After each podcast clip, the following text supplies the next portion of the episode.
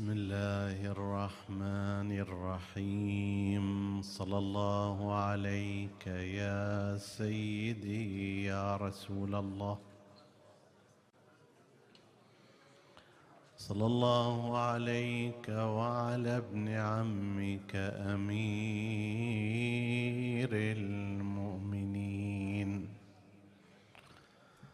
وإمام المتقين وقائد الغر المحجلين وعلى أهل بيتك الطاهرين ما خاب من تمسك بكم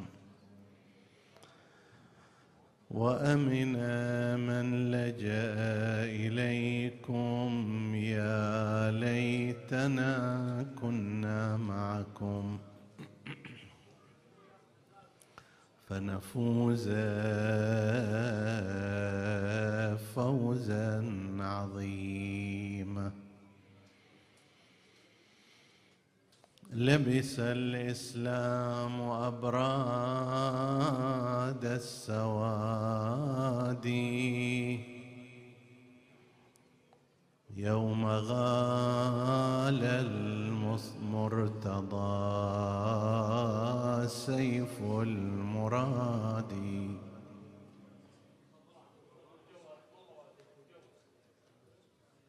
ليلة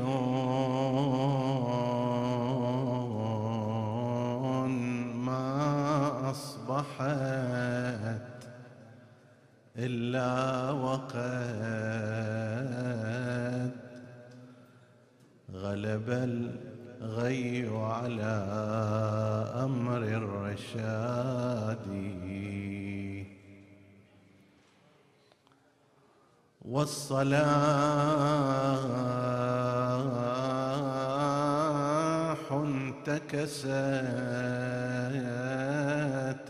أعلامه وغدا ترفع أعلامه الفساد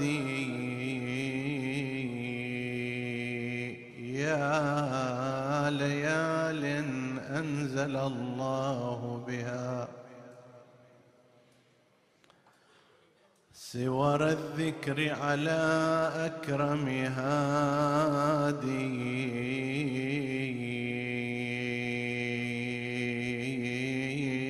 محيت فيك على رغم الهدى. آية في فضلها الذكر ينادي.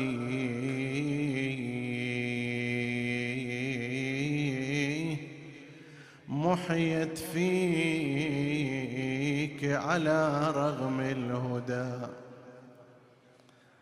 آية في فضلها الذكر ينادي وببيت الله قد جد له وإماما. ساجدا ينشج من خوف المعادي.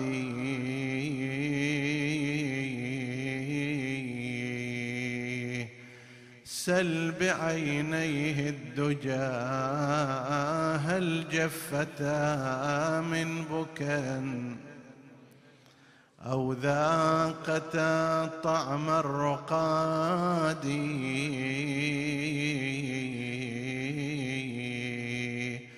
وسل الأنجم هل شاهدنه؟ ليلة مضطجعا فوق الوساد فبكته الجين والإنس معا. وطيور الجو مع وحش البوادي وبكاه الملأ الأعلى دما وغدا جبريل في الجو ينادي الهدى أركانه قد هدمت. الهدى أركان قد هدم يات حيث لا من منذر فينا وهادي. لكنما الأمر لله لا حول ولا قوة إلا بالله العلي العظيم. إنا لله وإنا إليه راجعون. وسيعلم الذين ظلموا أي منقلب ينقلبون. والعاقبة للمتقين. عطروا مجالسكم بذكر محمد وآل محمد.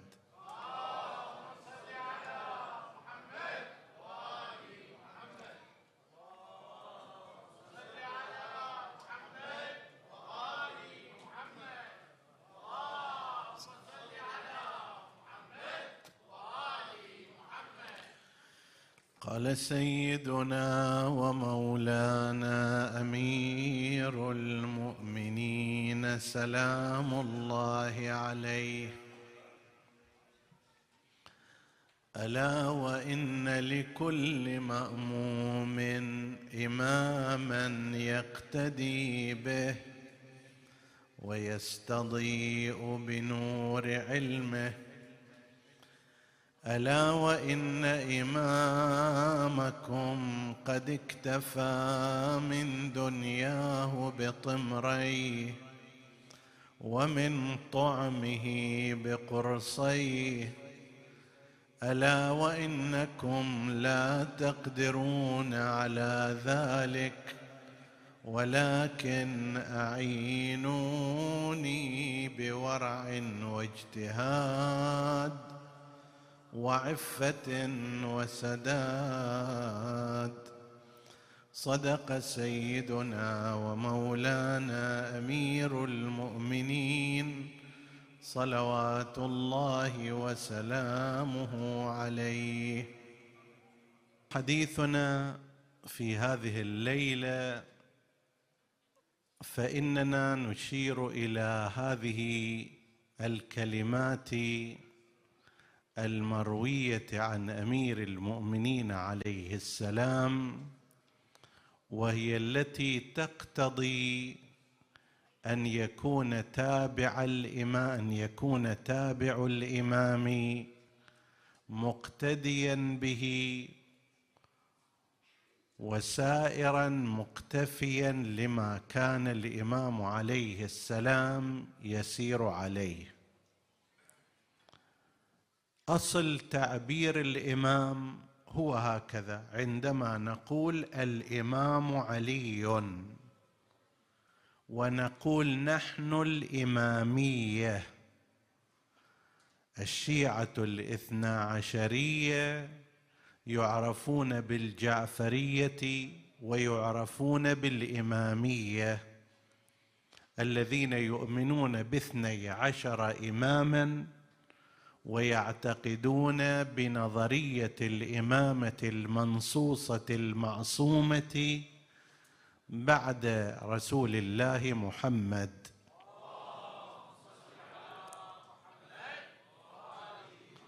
فكل القضية تدور حول هذا المصطلح الإمام والإمامة والإمامية كلها حول هذا المصطلح. أمير المؤمنين عليه السلام هو الإمام بلا كلام هو إمام الكون بعد رسول الله صلى الله عليه وآله مو إمام الشيعة.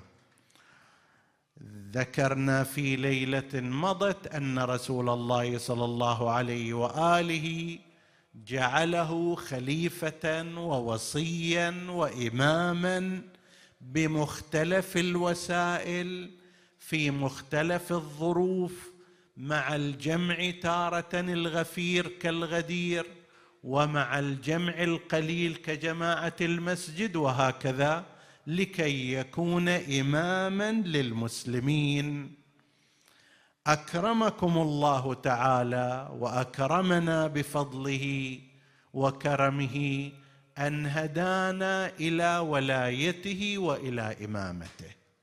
هذه تقتضي علاقة ائتمام إمام موجود. أنا أيضا وأنت المفروض مأمومون موجودون. ولكن تبقى قضية علاقة الائتمام هل أننا نتابع الإمام؟ ونقتدي بالإمام في الأمور التي هي تجب علينا. أكو بعض المستويات نحن لسنا من أهلها. نحن يعني يتحدث عن المتكلم وإلا قد يكون بعض الحاضرين أهل ذلك.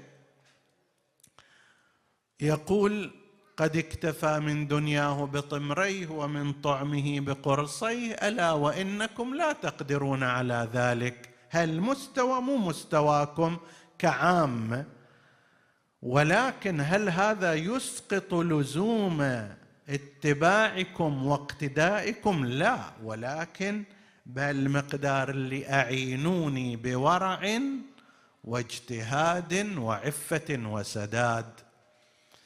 قسم من الناس قد يكتفي في الغالب بالمحبة والإعجاب. يعجب كثيرا بأمير المؤمنين يحار في صفات أمير المؤمنين يذهل من كفاءاته فيحبه حبا جما. وهذا مو قاصر فقط على الإمامية. ليس وقفا ومقصورا على الإمامية. أغلب أبناء الفطر السليمة هي تعجب بأمير المؤمنين عليه السلام وتنظر إليه نظرة الإعجاب والمحبة والإكبار. لعل من أكبر الكتب التي ألفت في شرح كلمات أمير المؤمنين عليه السلام ألفها شخص غير شيعي وهو عبد الحميد ابن أبي الحديد المعتزلي.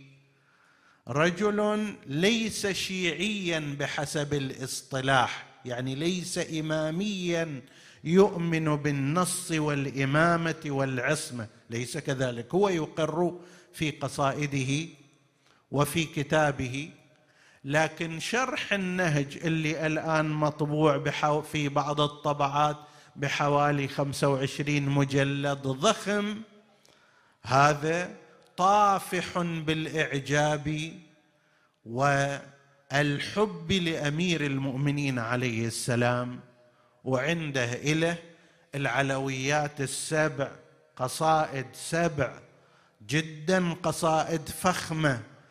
تحفظون منها بعض الأبيات يا قالع الباب الذي عن هزها عجزت أكف أربعون وأربع. أقول فيك سميدع حاشا ولا كلا.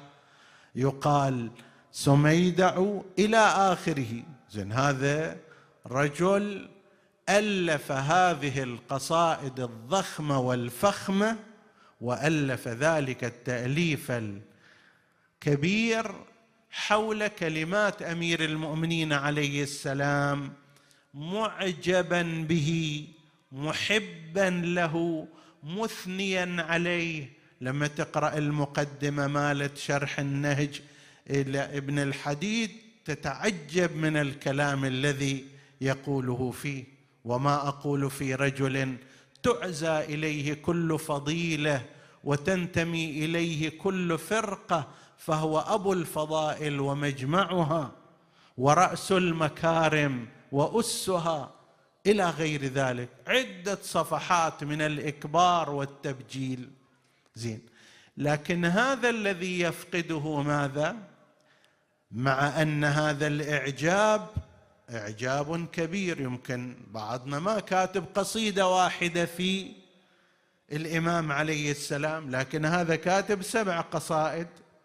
يمكن بعضنا ما ألف جزءا واحدا في تاريخه. هذا قريب 25 مجلد ضخم. لكن هذا ضمن الإعجاب العام ضمن المحبة. بل غير المسلمين. مسلمون كثر ولعل بعض أهم القصائد في حق أمير المؤمنين عليه السلام أنشأها وأنشدها فيه غير الإمامية. طبعا الإمامية لما تجي هذول بعد الأزرية وما أدراك وسائر القصائد لكن أقول لك حتى الطرف الآخر فيهم عينية مثل عبد الباقي العمري المعروفة طيب. فهذا جانب جانب إعجاب محبة بل غير المسلمين الذين ألفوا في شأن علي شعرا ونثرا. هذا بول السلام الشاعر اللبناني المعروف. يقول في شأنه فإذا لم يكن علي نبيا فلقد كان خلقه نبويا. زين لا تقل شيعة هواه علي إن في كل منصف شيعية. زين قصيدة ملحمة الغدير عدة آلاف من الشعر المتين والقوي. أنشأه فيه وهو مسيحي وكان على فراش المرض. بعض الكتب المهمة ككتاب جورج جورداق علي صوت العدالة الإنسانية في خمسة مجلدات علي وحقوق الإنسان علي والثورة الفرنسية علي كذا. زين هذه ألفه كاتب مسيحي لا يؤمن بالإسلام اعجابا بأمير المؤمنين وحبا لصفاته. فهذا الأمر مو خاص بشيعة أهل البيت عليهم السلام أن تعجب بالإمام وأن تتحير في صفاته وأن تمنحه الحب الذي يستحقه. كل أصحاب الفطر السليمة والعقول النظيفة موقفهم من أمير المؤمنين عليه السلام هو هذا. زين ما هي اذا ميزة الإمامية في هذا الأمر؟ إذا كان المسيحي يتحير في صفات علي ويتحرق في محبة علي والمسلم غير الشيعي أيضا كذلك يؤلف في شأنه وينشد فيه ويحبه محبة كبيرة. آن الإمام آن الاثنى عشري آن الشيعي الجعفري ما هي ميزتي في هذه الأثناء على تلك الفرق والفئات؟ الميزة هي في قضية الاتباع والاقتداء. أنا آخذ عقائدي من أمير المؤمنين عليه السلام فأترك التجسيم والتشبيه ونسبة الله إلى المكان والجهة والحركة. ليش؟ لأن أمير المؤمنين عليه السلام في نهج البلاغة وفيما روي عنه نزه الله سبحانه وتعالى أحسن تنزيه وأفضل تنزيه. عن هذه الأمور. أخذ عقائدي منه. أيضا آخذ أحكامي الفقهية منه فلا ألجأ إلى غيره وإن كان ذلك الغير في مصلحتي. ما أروح أتقاضى لا أذهب إلى أن أتقاضى عند غير حاكم شرعي يفتي بفتاوى أمير المؤمنين وأهل بيته الطيبين الطاهرين. حتى ولو كان ذلك في مصلحتي هنا أيضا يتبين يتبين المخلوط من الصريح والحقيقي من المزيف. أنا بأي مقدار أطيع عليا ولو كان ذلك على حسابي الشخصي. أنا بأي مقدار أأتمر بأوامره التي عبر عنها مراجع الدين وفقهاء المذهب. بأي مقدار ألتزم بها هنا يتبين. وإلا أنا على سبيل المثال أفرح في يوم مولده وألبس الجديد وأحزن في يوم شهادته وأبكي وهذا أمر أثاب عليه وأعجب بصفاته وأحبه وأنتسب إليه. هذه أيضا غيري يمكن أن يصنعها بل قد يصنع شيئا أكثر منها. يتبين ذلك بما قاله أمير المؤمنين عليه السلام ألا وإن لكل مأموم إماما يسوي فيه يقتدي به ويستضيء بنور علمه خلينا نشوف بعض الأمثلة. نحن في هذه البلاد نعيش اوضاعا اجتماعية خاصة إذا أردنا أن نقيسها إلى هدى أمير المؤمنين وإلى الاستضاءة بعلمه نرى عندئذ هل ما نقوم به نحن الآن يتطابق مع ما أراده الإمام عليه السلام؟ خلينا نجيب بعض الأمثلة. إن شاء الله كلها تتطابق وفي الدرجة العالية أيضا خاصة للفضلاء والفاضلات الحاضرين والحاضرات في هذا المكان. اولا ما يرتبط بالأسرة. نحن نعتقد أن هدى الإسلام الذي جاء به رسول الله صلى الله عليه وآله وجاء به أمير المؤمنين عليه السلام كان يركز على قضية الاهتمام بالأسرة اهتماما بالغا بحيث أن الإنسان اولا لاحظوا التركيبة الدينية في الإسلام كيف؟ اولا اجى وخلى ولي هذا الولي قوام مسؤول وجعل عليه نفقات وجعله مسؤولا عن هذه الأسرة. فقال مر الرجال قوامون على النساء أعطى له ولاية.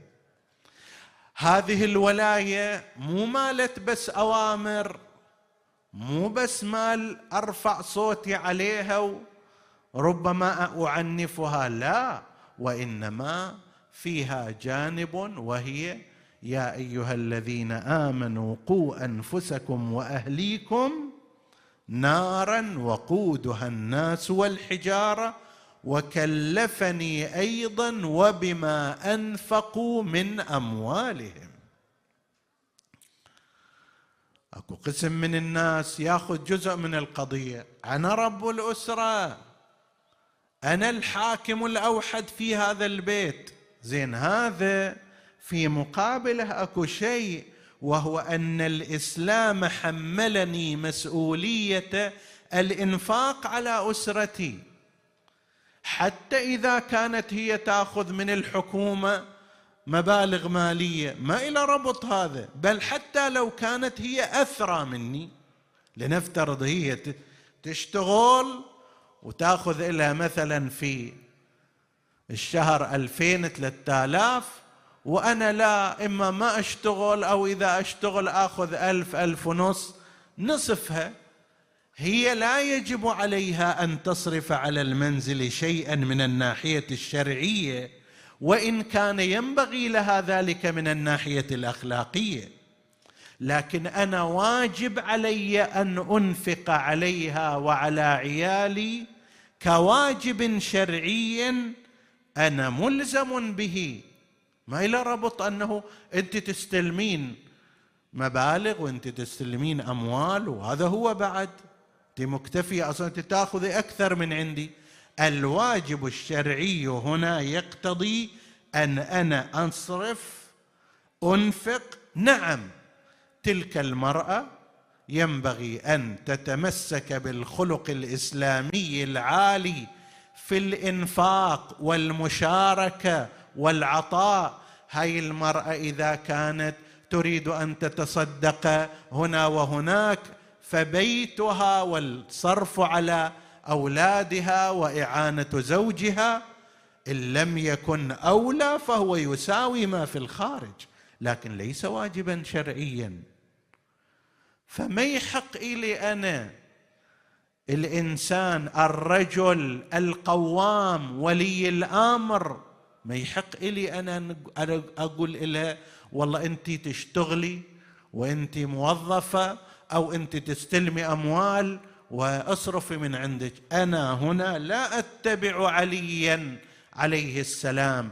علي وأبناؤه ومن جاء من المراجع العظام يقررون أنه يجب على الرجل بما هو رجل وبما له الولاية في المنزل أن يصرف على أهله وعلى عياله. بغض النظر أن الأهل والعيال عندهم أموال أو لا المرأة عندها وظيفة أو لا يجب علي أن أصرف على ذلك.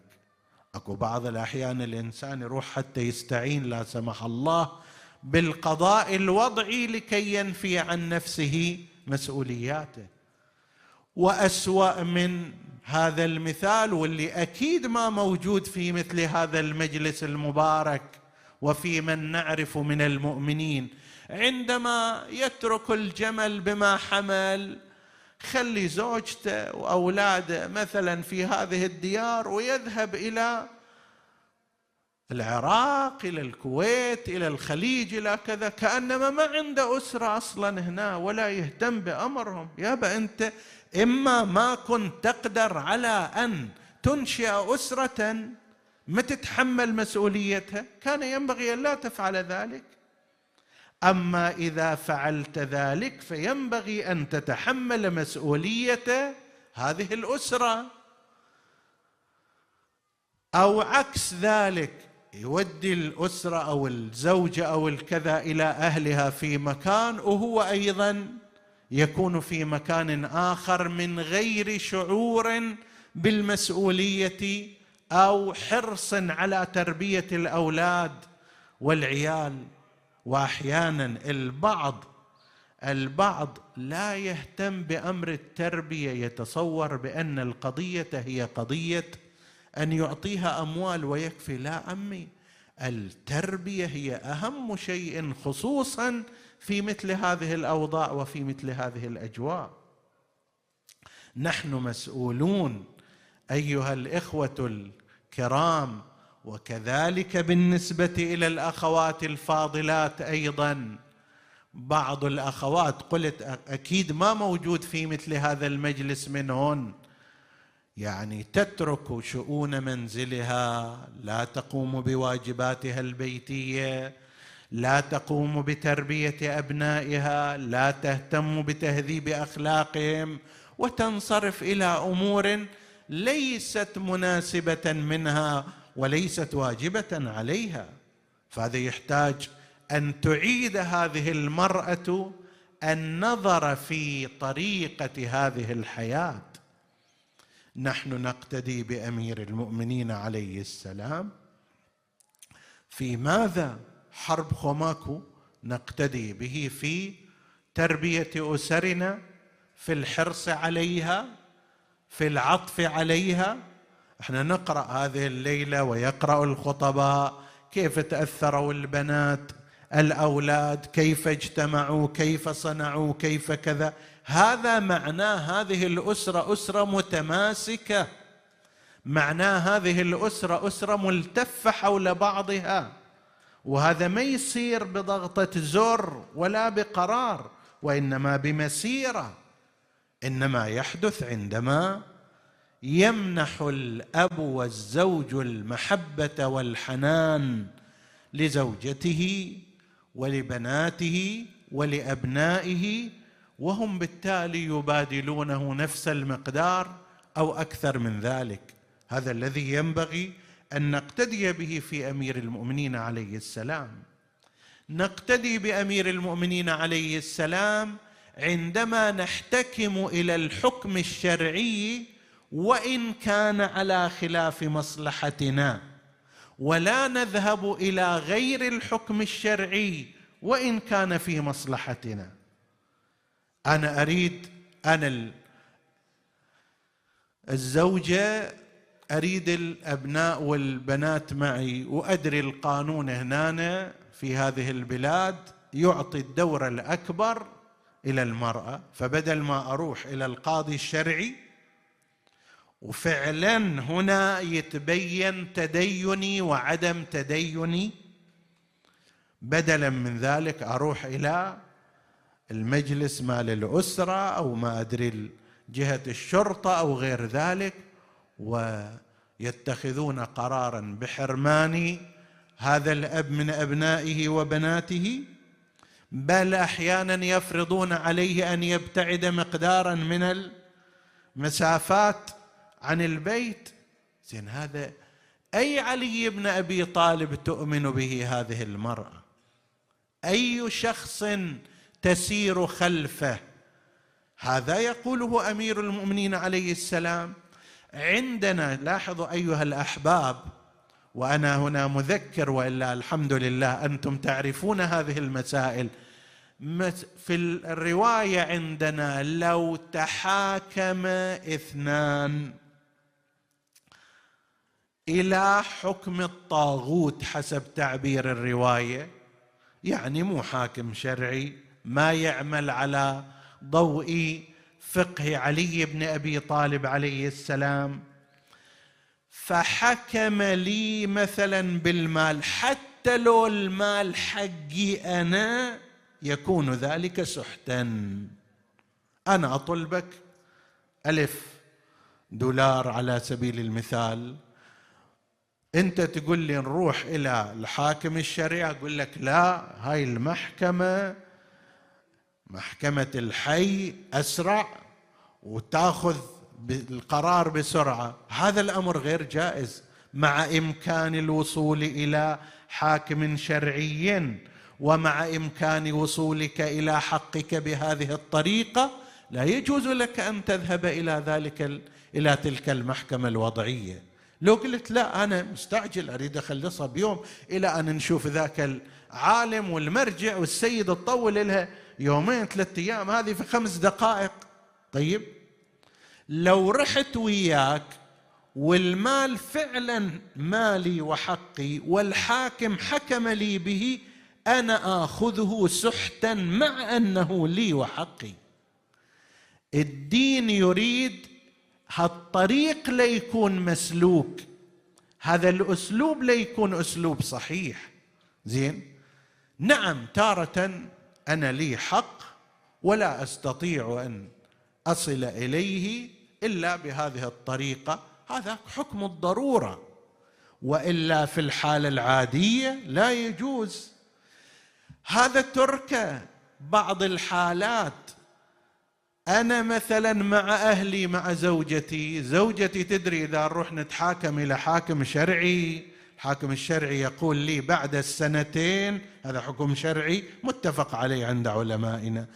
لو حصل طلاق بين لا سمح الله ولا قدر بين زوجين كل من كان عمره فوق السنتين بنتا كان أو ابنا فحضانته لأبيه ما لم يكن في الأب موانع تمنع من الحضانة. كان يكون منحرفا فاسدا فاسدا غير مؤتمن عليه إلى آخره. لا إنسان رجل متدين عنده أخلاق. طيب. بعد السنتين حق الحضانة له.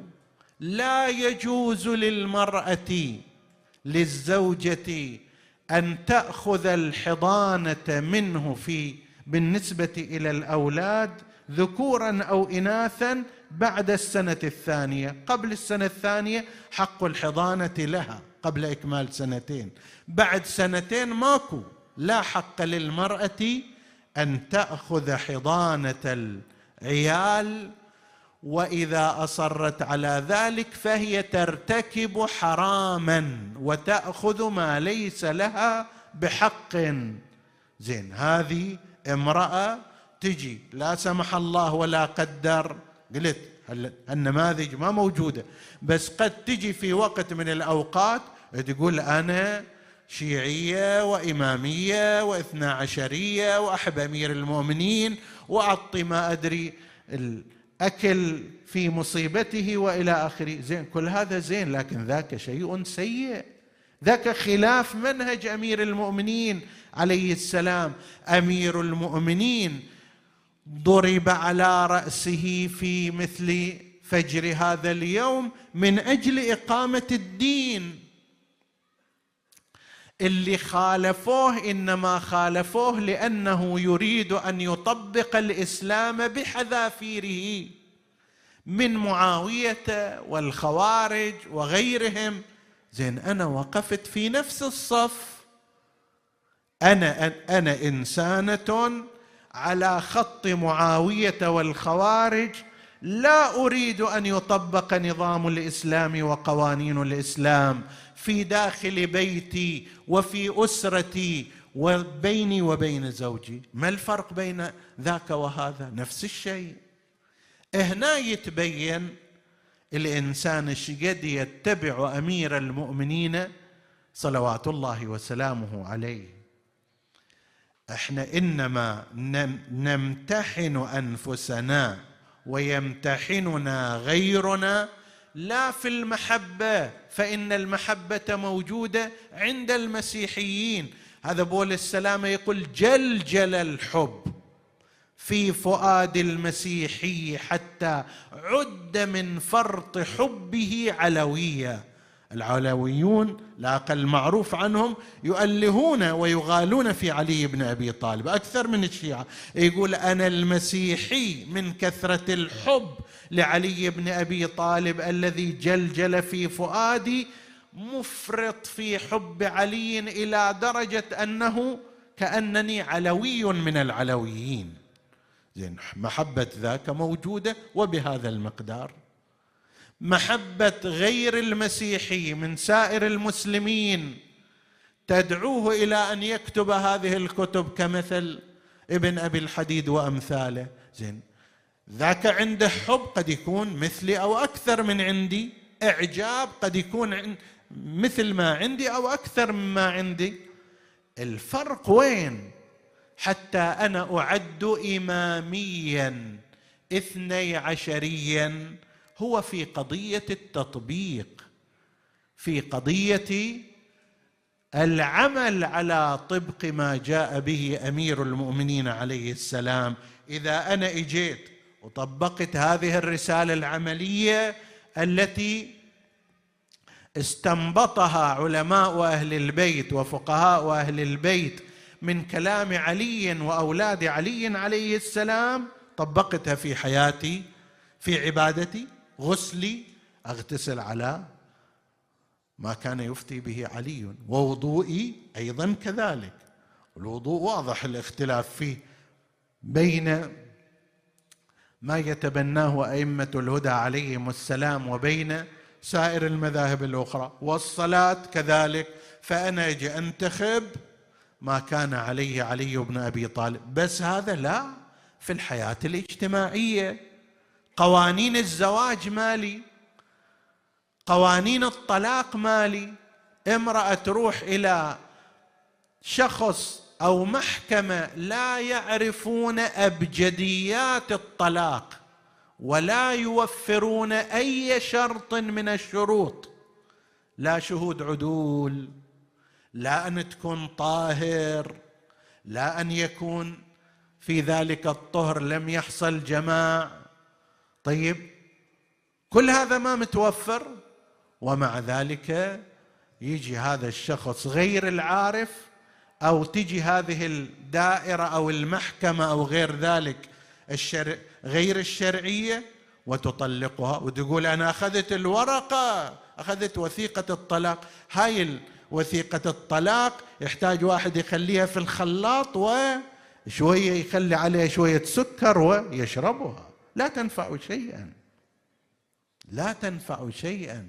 هذه المرأة بمثل هذا الطلاق لا تزال على عصمة زوجها وذمة زوجها ولو تزوجت بعد ذلك وهي عالمة بأن طلاقها ليس طلاقا شرعيا.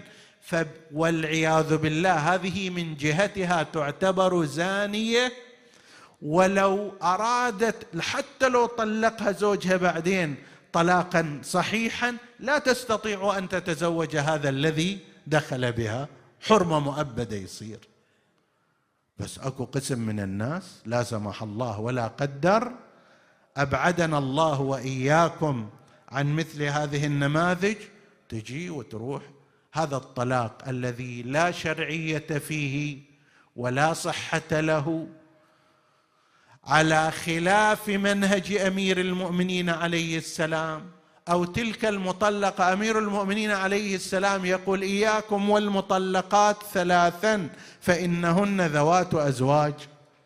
إحنا نروح إلى شخص غير عارف أو إلى دائرة من الدوائر غير المناسبة ويسوي لنا فالطلاق.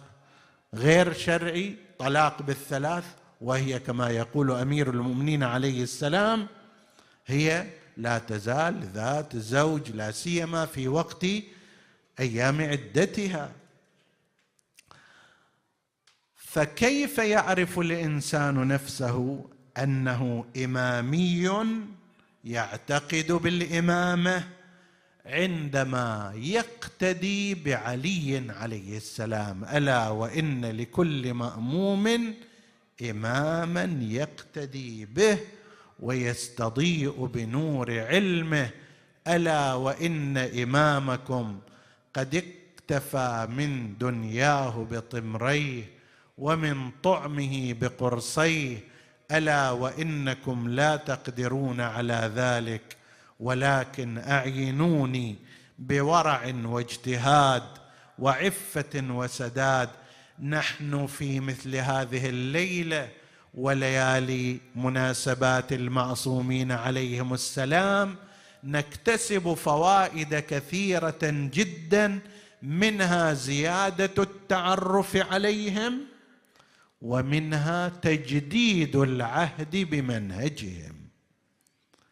وهذا الحمد لله مما من به علينا. الآن هذه المجالس هذه المحافل في أقصى بلاد الغرب. طيب أنت تجد ذكر علي عليه السلام وذكر علي عباده. أنتم الآن في حال عباده سامعين ومتكلما. الجميع في حال عباده لأن ذكره عباده. في أقصى بلاد الدنيا ينظر الله إليكم. وأنتم تجلسون في إحياء ذكر وليه ووصي نبيه المصطفى محمد.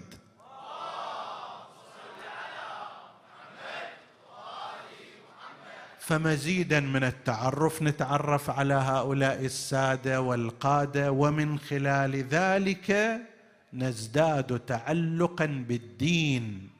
لا غرابة أن نجد مثلا حضار هذه المجالس والمحافل معرفتهم بدينهم أفضل معرفتهم بأئمتهم أفضل معرفتهم بنبيهم أفضل معرفتهم بالأخلاق الإسلامية أفضل.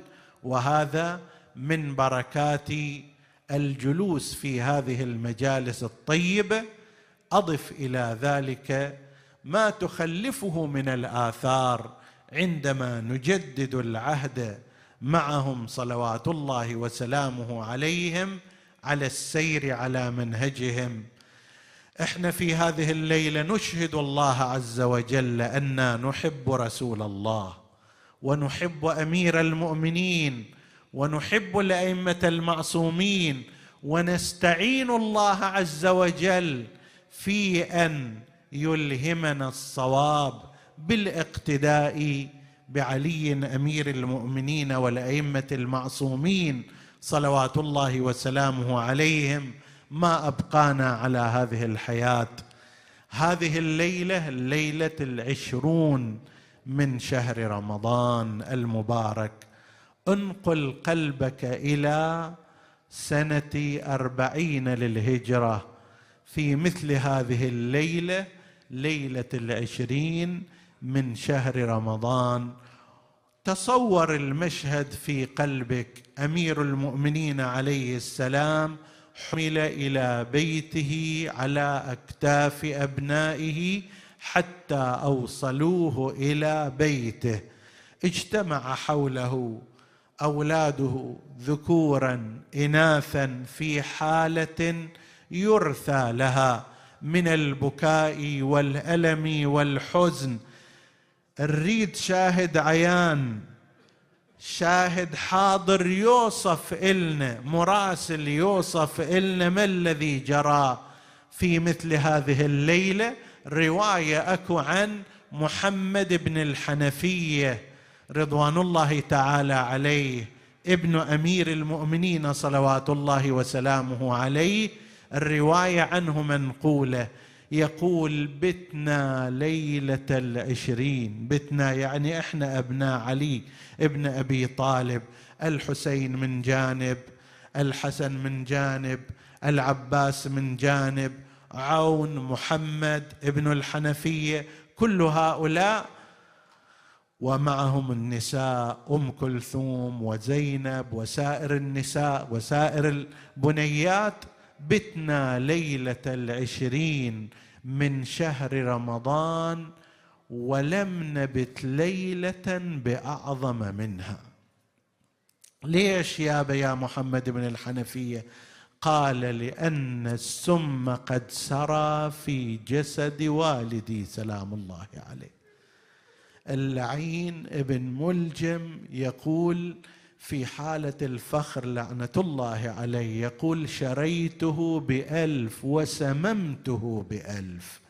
يعني خليت أنا قعدت في السم الذي اشتريته بألف درهم سم فتاك. حتى إذا ضرب الضرب على الرأس هذا السم يتسرب إلى دماغ الإمام ثم يختلط بدمه وهكذا يقضي عليه. ليقول محمد بن الحنفيه وقد سرى السم في بدن الإمام عليه السلام فضعفت قواه بأبي وأمي. هذا اللي كان يشيل باب خيبر وإذا به يصلي فصلى صلاة المغرب والعشاء من جلوس. سوت هذه الضربة بأمير المؤمنين عليه السلام اللي تخليه وهو فارس بدر وحنين يصلي من جلوس وقد أحاطت به بناته ونساؤه وكلهم في حالة من القلق عليه. يقول وكان لا يفتأ يوصينا بتقوى الله وذكره بما هو أهله وينصحنا بذلك وهكذا بعد ذلك جاء الناس ودخلوا عليه يزورون. اجى حجر ابن عدي لما رآه على تلك الحالة بكى حجر ابن عدي الكندي على ما أصاب. الإمام أمير المؤمنين عليه السلام فقال له أمير المؤمنين يا حجر ماذا تصنع إذا دعيت إلى البراءة مني وقد عرضت على القتل؟ قال والله لو قتلت سبعين مرة ما تبرأت منك. وبالفعل حجر بن عدي صدق في ذلك. قتل على الولاية صامدا لم يتحرك خلاف ذلك أبدا في حياته. ثم لما جاء الرجال وجاء الزوار هنا انسحبت النساء انسحبت زينب انسحبت أم كلثوم. ولكن مع ذلك كانت تتحرى متى يأتي طبيب إلى الإمام وقد طلب إليه الطبيب. وماذا يقول طبيب الإمام؟ وماذا سيحصل؟ هل هناك أمل أو رجاء يتقاذفها الأمل والخوف؟ لكن ما تقدر بعد تدخل إلى تلك الد... إلى ذلك المكان حيث ازدحم فيه الرجال حيث ازدحم فيه الأصحاب وأنصار علي عليه السلام. فهنانا كانت تخاطب الحسين بين ساعة وأخرى وتسأل عن حال أبيها. يا حسين أنشدك عن ولينا؟ يا حسين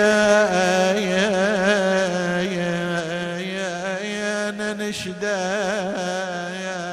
عن ولينا. يا خوي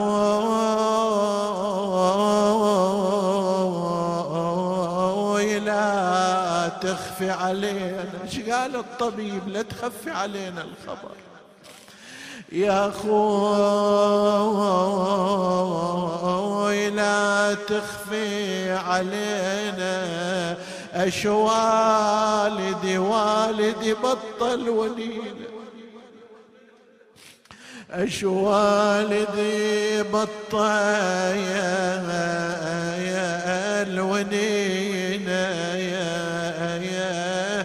وأشوف عرق يرشح. أشوف عرق يرشح جبينة قالها يا زينب يا حزينة أخبرك خبر لا تظهرين هذا خبر خاص لك أخبرك خبر يا يا لا تظهرين. ما هو هذا الخبر؟ ترى والدي والدي روح من دين. ترى والدي روح من دين. والسيف يا أختي سامينا والسيف يا أختي سامينا وظليت بنات المرتضى كلهم ينوحون. يقولون أبونا يا حسين متغير اللون. اتحرك يا ويل المرتضى وبطل ونينة. تحسر على أولاده يا يا وصد لهم بعين. قالهم كلام يا أولادي تسمعون يا باكر حسن وحسين من بعدي تطيعون. يا أبا يا أبا الحسن أخبرنا ما الذي سيجري على أبنائك. قال كني بشبل الحسن فوق الفرش نايم. بالسم كبده مقطعة وحول الهواشم والكل ذابت مهجته والدمع ساجئ. والحسن يتقلب وأخوه حسين محزون. وأما المصيبة اللي تزلزل الوطية مصيبة عزيز حسين برض الغاضري كني أشوف على الثرى طايح رمية. أفي شهر الصيام فجعتمونا بخير الناس طرا أجمعين نسألك اللهم وندعوك باسمك العظيم الأعظم. الأعز الأجل الأكرم يا الله. اغفر لنا ذنوبنا كفر عنا سيئاتنا آمنا في أوطاننا. لا تسلط علينا من لا يخافك ولا يرحمنا. ولا تفرق بيننا وبين محمد وآله طرفة عين. احفظ اللهم إخواني السامعين فردا فردا واقض حوائجهم. اشف اللهم مرضاهم لا سيما المرضى المنظورين. ومن أوصانا بالدعاء. وتقبل اللهم عمل المؤسسين بأحسن القبول إلى أرواح موتاهم وموتى السامعين. نهدي ثواب الفاتحة تسبقها الصلوات.